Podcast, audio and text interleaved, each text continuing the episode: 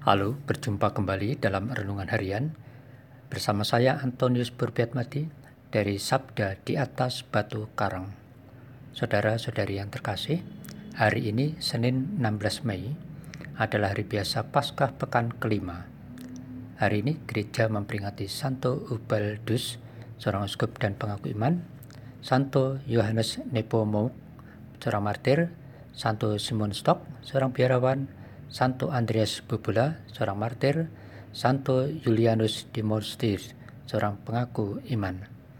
Tema renungan kita hari ini, laksanakan perintah Tuhan. Yang terinspirasi dari bacaan kitab suci hari ini, bacaan pertama diambil dari kisah para rasul, pasal 14 ayat 5 sampai dengan 18, dan bacaan Injil suci dari Injil Yohanes, pasal 14 ayat 21 sampai dengan 26. Mari kita siapkan hati kita untuk mendengarkan sabda Tuhan. Dalam amanat perpisahannya, Yesus berkata kepada murid-muridnya, Barang siapa memegang perintahku dan melakukannya, dialah yang mengasihi aku. Dan barang siapa mengasihi aku, ia akan dikasih oleh Bapakku dan aku pun akan mengasihi dia dan akan menyatakan diriku kepadanya. Yudas yang bukan Iskariot berkata kepadanya, Tuhan, apakah sebabnya maka engkau hendak menyatakan dirimu kepada kami dan bukan kepada dunia? Jawab Yesus, Jika seorang mengasihi aku, ia akan menuruti firmanku dan Bapakku akan mengasihi dia. Dan kami akan datang kepadanya dan diam bersama-sama dengan dia.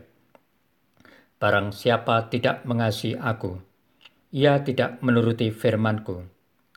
Dan firman yang kamu dengar, itu bukanlah daripadaku, melainkan dari Bapa yang mengutus aku.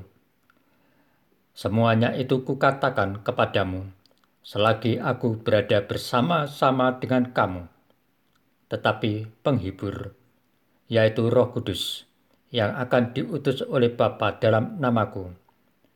Dialah yang akan mengajarkan segala sesuatu kepadamu, dan aku akan mengingatkan kamu akan semua yang telah kukatakan kepadamu. Demikianlah Injil Tuhan. Terpujilah Kristus. Saudara-saudari yang terkasih, semasa pacaran kita mau-mau saja disuruh-suruh. Dengan melaksanakan apa maunya, itu untuk menunjukkan bukti rasa cintanya. Dalam dunia bekerja pun demikian. Awal-awal jadi karyawan baru, biasanya memperlihatkan sikap ketaatan pada pimpinan atau seniornya. Bagaimana dengan perintah Tuhan yang diberikan kepada kita, yang disampaikan lewat pengajaran gereja atau dalam kitab suci? Adakah kita sungguh-sungguh mentaati perintah Tuhan? Saudara-saudari yang terkasih, dalam bacaan Injil, kita sering membaca atau mendengar akan pengajaran dan perintah Yesus, yang antara lain adalah perintah untuk mengasihi, seperti yang disampaikannya pada hari ini.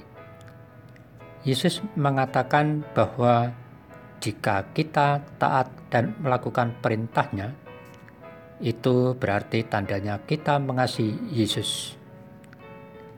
Dan jika kita mengasihinya, maka Allah Bapa dan Yesus sendiri mengasihi kita.